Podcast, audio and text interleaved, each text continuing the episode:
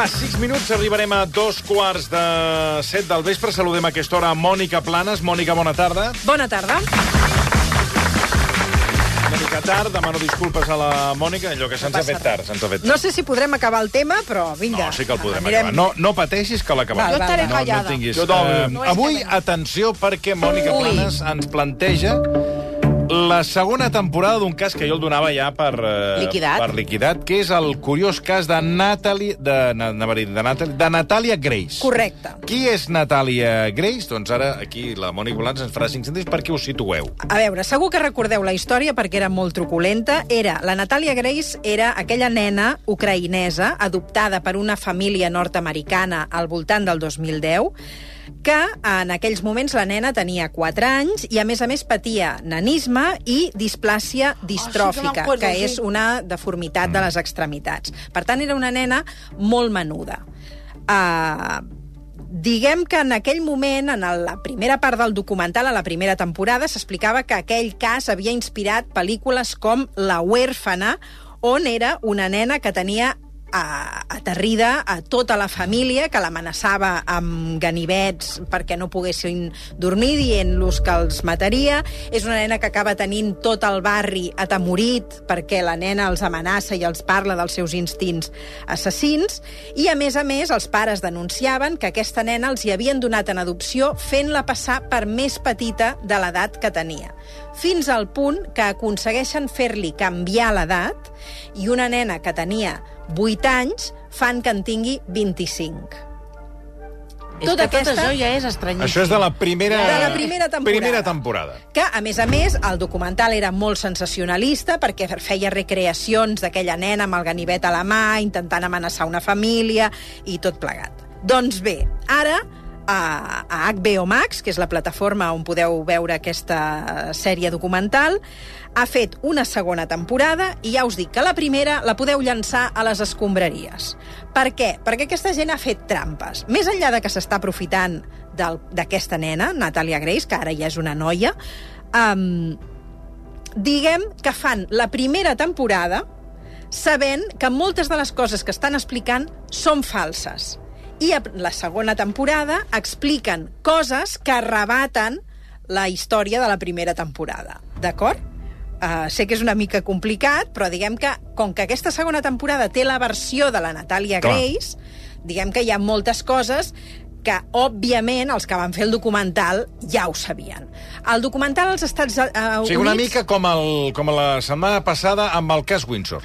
El que passa l'últim- que ells no el- eren els mateixos. No, diguem, ja, eh? ja, però vull dir que es va explicar una història que havia- s'havia calat foc amb una paperera, amb un cigarro, i, que i, i el sapo va dir que... El sapo dijo que nada es la que me Ah, dio. exacte. Per tant, avui anem amb la segona temporada de, Nata, de Natàlia Gris, Natàlia que Gris. desmunta la primera temporada. Correcte. Us recordo... Dels mateixos. Dels mateixos, és a dir, fan la segona temporada. Us recordo que és un documental que als Estats Units ha tingut mm, un èxit eh, Aclaparador. aclaparador. Entrevisten a Natàlia Grace, mm. que ara ja és una noia, mm, s'entén que major d'edat, i que, per tant, ella pot donar la seva versió dels fets. I en una Té nom, per entrevista... cert, de, de cantant no, eh, sud-americana, Natàlia eh? Grace. Natàlia Grace. Natàlia Grace. De la de Tony Rovira. I en una entrevista el 4 d'abril del 2023, la Natàlia explica això. Llevo mucho tiempo intentando averiguar quién soy. No tengo ni idea, porque ahora mismo esto es como un puzzle de mil piezas y yo solo tengo unas 300. Quiero que sepáis cuántos años tengo. Quiero que conozcáis mi pasado, porque yo también quiero conocerlo. Es muy confuso. Hay cosas que recuerdo, pero no termino de concretar. Y quiero que el puzzle esté completo. Pero todo lo que Christine y Michael dijeron que hice son mentira. La Cristina i el Michael és aquest matrimoni que Sí, adopta aquesta nena, els sí. Barnett, i la nena continua explicant això. Lo copiaron todo de la película La huérfana. Niña ucraniana, niña rusa, igual. Huérfana, igual. Todas esas locuras. De pie junto a la cama con un cuchillo. Igual.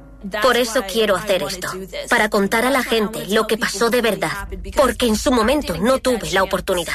Però aquesta és ella, és la, Aquesta és la que la van adoptar. Natàlia la, Grace. La, que té, És la Natàlia la, que té Grace. aquest problema Sí, sí, de salut. correcte. Sí, sí. O sigui, Ah. la pel·lícula era, va ser prèvia a tot el que van explicar els pares, la pel·lícula de la Sí, es van inspirar, es van Ah, exacte. inspirar. Ells es van inspirar Sí, sí. en aquella pel·lícula? en aquella pel·lícula i diguem que reprodueixen. De, més endavant anireu veient quins són els motius pels quals aquesta família decideix fer això. Però sí que ens trobem amb una noia que ha patit maltractaments, abusos, manipulació eh, a nivell eh, psicològic i, per tant, és una nena que tot el seu passat li ha quedat també eh, absolutament destarotat i, eh, i amb, eh, amb moltes llacunes i, i molta confusió sobre la seva pròpia història. Apareixen en el documental l'ex-fiscal de Nova York i el xèrif de la comunitat per donar la raó a la, a la nena, a la Natàlia Grace, que ara ja és una noia, i diuen que els pares estaven com un llum. Diu que estaven en una situació de manipulació on la mare li obligava a dir que ella era adulta. Christine me entrenó para mentir. Eso es lo que lo empeora todo. El hecho de que venía de mí. Porque ahora pueden usar eso en mi contra. Tú misma lo decías, decías que tenías 22 años y luego cambiaron mi edad legalmente. Todo aquello fue una gran reacción en cadena que partió de una mentira. Era una nena de 8 anys, sí. absolutament manipulada. La seva mare li donava ordres, a més a més sota amenaça, que la nena complia en aquell moment pensant-se que allò la protegia. Per tant, aquí ens trobem en una situació en què li diuen, no, per què tu deies això que... Als no? 8 anys li van canviar l'edat a quina edat? 25. I I, te. I en tenia 8. I en tenia 8, com es confirma en, aquest, doc- en aquesta segona part, i a més a més, la, no només tenia 8 anys, sinó que l'envien a viure sola quan eh, li canvien l'edat. Per tant, la deixen pràcticament morint-se de fam en una Pobreta. casa perquè s'espavili quan és una nena, a més a més, amb una discapacitat eh, física que li és impossible fer moltes de les feines que se suposava que havia de fer ella sola. Què passava en aquella casa? La gente no sabe lo que pasó en esa casa. Me torturaron. Abusaron de mí. Christine es el verdadero monstruo. Michael es cómplice del monstruo porque estuvo de acuerdo con todo lo que Christine decía. ¿Quién hace eso? Per tant, mireu fins a quin punt, si la nena no ho, venia, no ho veia, què li passava. Cuando hagas algo mal, te rociaré con gas pimienta. Me obligó a mantener los ojos abiertos y me roció con el gas pimienta. Sin que yo pudiera hacer nada al respecto. Me tuvo allí sentada durante unos 10 minutos. Hasta que finalmente me permitió que fuera a lavarme la cara. Pero aún así me dolía. A ella le daba igual. Per tant, Aquests són els pares adoptius, els eh, pares que munten tota, que expliquen que van tota dir que aquesta tenien una, història. una nena diabòlica. Correcte. La mare manipulava, diabòlics controlava... ells, Home, vamos. totalment. Ah, claríssimament. La mare manipulava, controlava i abusava de la nena perquè ella s'ajustés a la narrativa que la mare volia explicar. Es descobreix que els Barnett, a més a més, van tenir relació amb l'anterior parella que havia adoptat aquesta nena, cosa que ells ho negaven en aquell moment. Per, ell, per tant, estaven, tenien tota la documentació i sabien quina era la història de la nena. Um, en el documental ens expliquen com els Barnett han mentit en diferents aspectes que surten a la primera part del documental i el que fa aquest documental és anar al dentista de la Natàlia Grace, al qual Sí. li va portar aquesta mare adoptiva, perquè la mare adoptiva, diguem que vol convèncer al dentista de que la nena és més gran que l'edat de l'edat que diu que, que té. Que té. I li fa una radiografia de la dentadura Clar, i d'aquesta manera ho pots saber. ho pots saber. Clar. Què passa? Que ara els d'aquest documental van a buscar el dentista i el dentista recupera la radiografia que va fer en aquell moment a la nena i explica això. Determinamos que le quedaban 12 dientes de leche, tres en cada cuadrante. Estos tres en todos los cuadrantes. Era muy simple determinar la edad de Natalia. Cuando haces una radiografía no cabe lugar a dudas. Hay dientes de leche, dientes definitivos y hay un rango de edad para este punto de desarrollo dental que va desde los 6 a los 9 años. Son demasiados dientes de leche para que fuera adulta. Per tant, la nova família de la Natàlia Grace porta, juntament amb els responsables d'aquest documental, ara la Natàlia Grace viu amb una altra família que tenen 11 nens adoptats, que ell és un pastor, és un home bueno, això, mm. religiós, i mormon. cuiden d'aquests 11 nens i els hi han donat una vida d'estabilitat i surt la família com més aviat feliç. Doncs els responsables del documental i el pare, el nou pare de la Natàlia Grace, porten la nena a uns laboratoris que poden dictaminar a través d'una anàlisi de sang l'edat cronològica Mm. d'aquesta nena en l'actualitat. De tal manera que si resta... Quina manera anys- d'embarejar una persona. Pobreta. És tremendo. Correcte. I uh, veiem com porten la Natàlia Grace a aquests laboratoris el dia que tenen els resultats de l'analítica. La nena surt content, la noia surt contenta, està contenta esperant els resultats, és a dir, no és una persona que tingui por de dir a veure si surt que jo tinc una edat que ara m'anirà... La noia està confiada en que ella està convençuda de la seva edat. Gracias por venir al laboratorio. ¿Queréis echar un vistazo a los resultados? Sí, Muy bien. Ha llegado la hora de la verdad, ¿de acuerdo? sí.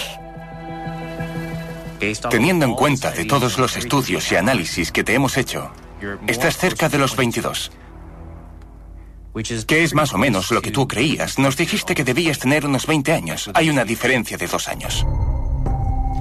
Per tant, un cop sap els resultats, Sí. que confirmen la seva La teoria seva edat, sí. aproximada de l'edat que ella creia que tenia, la nena lamenta tot el que li han fet passar. Este papel echa por tierra cada una de las mentiras que han dicho los Barnett.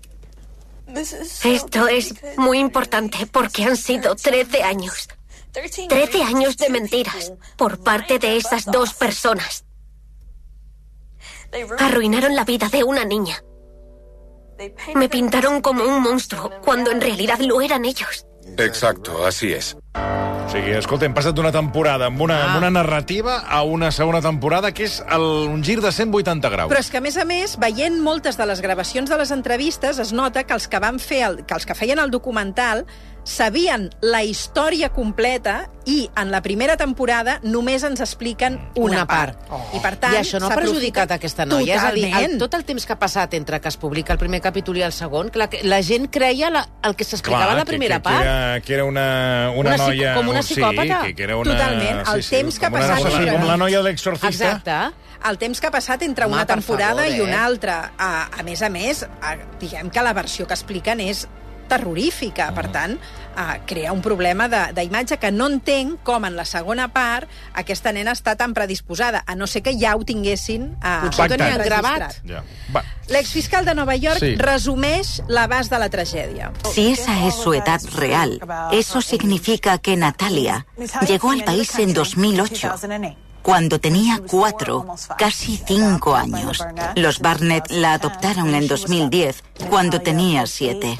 Y tenía ocho años cuando solicitaron la reasignación de edad. Y la enviaron a vivir sola en el apartamento de Westfield. En julio de 2013, cuando la instalaron en la casa de Lafayette, le faltaban pocos meses para cumplir los 10. Eso significa que Natalia era una niña que vivía sola. Què mou els Barnett a inventar-se tota aquesta Bona trama pregunta. Què mou? sobre aquesta nena? Exacte. Recordeu que la família tenia un fill superdotat i que la mare s'havia fet famosa per prodigar les seves teories educatives, alegant que el seu fill era un geni gràcies als mètodes ella. educatius ella, eh? que ella havia aplicat. Amb això va escriure un llibre sobre com fer que tots els nens siguin un geni com el seu fill. Michael alegó que Christine pensaba que ella había convertido a Jacob en un genio y que adoptando a una niña con necesidades especiales podía demostrar que era capaz de volver a hacerlo. Pero cuando eso no resultó como Christine quería, Natalia dejó de encajar en su narrativa. I amb aquest llibre va fer molts diners. Christine estaba escribiendo un libro que finalmente se llamó The Spark, La Chispa, sobre el éxito académico de su hijo mayor, Jacob. Y esta es la línea de tiempo con respecto al libro. Los Barnett adoptan a Natalia en 2010, Christine firma un contrato en 2011 y el libro se publica en 2013. Todo este tiempo que Natalia forma parte de la familia, Christine hace lo imposible por mantener su imagen. Ahora bien, sabemos que Christine no era reacia a explotar a sus hijos. Ganó mucho dinero con Jacob.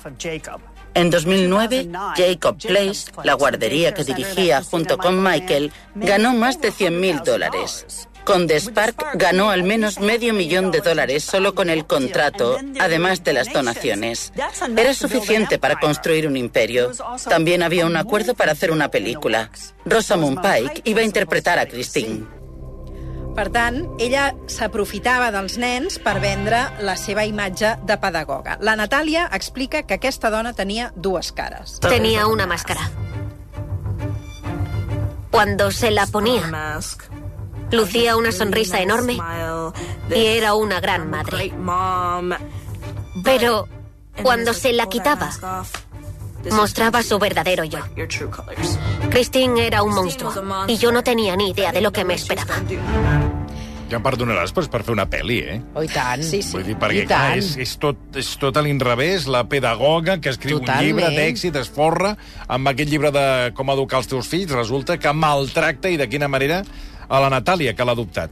Ah, per cert que en, aquest, en aquesta segona part del documental apareix aquest fill amb altes capacitats Sí. Que viu diu? en una mena de zulo que explica que la seva mare, eh, tot i tenir un contracte que ell tenia part dels beneficis d'aquests llibres perquè el nen surt a la portada i diguem que la senyora utilitza el fill... La imatge. La, la, do- la mare mai ha donat diners en el seu fill perquè es pugui mantenir. Realment, el fill sembla estar vivint en unes condicions bastant eh, precàries. En el súmum de l'esperpent d'aquest documental es promou una trobada entre Natalia Grace Sí. i el seu pare Oi. adoptiu Michael Barnett. D'acord? O sigui que és una situació una mica estranya sí, perquè, segons la Natalia Grace, és una trobada per completar alguna de les llacunes i mirar d'entendre moltes d'aquestes coses que van passar i el pare Barnett, que ja es veu que no tomba gaire rodó, eh, diguem que eh, es pensa Una que mica la reunió... trobada entre Butgí i, Correcte. i víctima, no? Tot i que el butxí es pensa que és una reconciliació, Ja. que també dius, a veure, mm, toqui una miqueta de peus a terra. Veiem com es produeix aquesta trobada Ai. en el documental i, de fet, aquesta trobada l'aniran fragmentant en cadascun dels sis capítols d'aquesta segona temporada. Llavors, et posen un fragment d'aquesta trobada que funciona com el Rosari de l'Aurora i, a més a més, et van explicant les coses que cal aclarir de la temporada anterior. Veiem com es produeix aquesta trobada i abans d'entrar, el pare nou de la Natàlia Grace, que és aquest pastor, es posa a resar una pregària. Sabeu allò que fan de que posen a les mans al cap de la persona a qui Sí, volen com sí. beneir? Doncs posa el cap, a les mans al cap de la seva filla, la Natàlia Grace, abans d'entrar a la casa on s'està esperant el Michael Barnett. Que Dios lo purgue todo hoy. En el nombre de Jesús todo se aclara. és el pare actual. Porque Dios tiene el tribunal más alto de la tierra. Esa es la verdad. Donde vamos, Dios tiene el control. No, i és nada pega en pega, eh? sí. És nada pega en pega, això, eh? L'advocat del senyor Barnett, que també és allà, ho troba una mica inquietant. Anton Mans comenzó a dar un sermón diciendo que era el momento de Natalia, que debía entrar y atacar, que debía ser confrontativa. Era como el discurso de Al Pacino en un domingo cualquiera. Jugada a jugada, pulgada a pulgada. No tengo miedo. Es un momento sagrado. Entra ahí y consigue la verdad. Ese diablo es un mentiroso, un completo mentiroso. Haz que se doblegue a tu voluntad. Dios tiene el control. Donde vamos, Dios tiene el control. Fue inusual, como poco. Però això, perdona, qui ho deia, això? això ho explica l'advocat, perquè l'advocat del, de l'antic pare adoptiu, quan veu que aquella escena es produeix Ja, a la està- porta... Però és que el nou pare tampoc és, està és, fi. És una pel·lícula... El nou bueno, pare, ai, perdó, és un documental que estan tots tronats. Aquesta nena... És Sí, que no se'n salva ni un, eh? Ni un. Us he de dir crits de que, por él i... malgrat aquesta pregària, És que aquest, pa, aquest pare, a l'últim també fa por, tu. No, home. És que és, surt, és que és tremendo, això, eh? Pobra nena, Esta eh? noia el que ha de fer és escapar i sortir corrents. Sí, perquè, espérate, mare que, espérate que se case, a ver con quién se va a casar. esta. Hay otro loco. finalment comença la conversa entre Natalia Grace i el pare adoptiu. ¿Por qué estamos aquí, Michael? ¿Por qué estamos aquí? Eso es... Si te refieres a filosóficamente, no sabría decírtelo. Es una pregunta más adecuada para el obispo aquí presente. Pero si te refieres a... No, quiero saber por qué me adoptasteis. És el Barnett, eh? Sí, ¿Por qué? Les músiques tela, també. també. Van És posant- que és, és sensacionalista, Que dius, eh? madre és meva. un documental Pugen sensacionalista. el volum. Bueno, clar, eh, a veure, és un documental, perquè t'enganxis, vols que això. facin. Però fet d'una manera, Toni... totalment. Sí, home. Michael Barnett, ja us avanço que no hi és tot, i va i es fa la víctima. Que dius, home, Ole. potser que aprenguem una miqueta quin és el... Doncs no, es fa la víctima. Hace poco he descubierto que tú y yo teníamos el mismo monstruo, Christine. Y... Estamos aquí porque ambos fuimos víctimas de un tipo de abuso brutal. Vale, lo primero que te voy a pedir es que hables sin decir groserías. Haré lo que pueda. Es mi forma de hablar, pero haré lo que pueda. Y segundo, ¿qué quieres decir con que fuiste una víctima? Oh, Dios. Hay muchas cosas que no sabes. Bueno, ¿quieres darme detalles? Sí, claro. ¿Vas a darme tiempo para hacerlo? Esto no es fàcil. L'home Sí, els, dos, els dos són víctimes de la dona. De la ell Christine. explica que al final la dolenta era la Christine i que ell feia el que la Christine li deia perquè tenia un poder sobre tots. Aquí el perquè que, era un home sense personalitat. que exacte, elles justifiquen això, que estava manipulat per la seva dona, tot i que es veu a venir que, uh, de fet es veu que la tenien un, el matrimoni, era el projecte del matrimoni, fins que la senyora decideix que aquell rèmora de marit no li serveix per res i que se'n va ella amb els calés i que el marit no el necessita per res. I és a partir d'aquí quan ell, Quan ell diu que ha d'inventar una, altra, una altra història. Uh, el Barnett continua explicant-se, però les coses acabaran de mal borràs perquè fa servir paraules barrueres que molesten A la Natàlia. el capellà. El capellà. Ah, Ara és el ui. capellà, que és el pare actual. Correcte. Per tant, en un determinat moment de la conversa, el capellà interromp La conversa entre la Natàlia i el, correcte, i Però el que passat que ella ja li ha dit no siguis barruer. No siguis ja li ha dit, eh, exacte. gruller. O sigui, ja... Ja, doncs ara, ara teniu el moment en què estan parlant tots dos i interromp la conversa Ui. al capellà. Yo tuve el mismo monstruo que tú.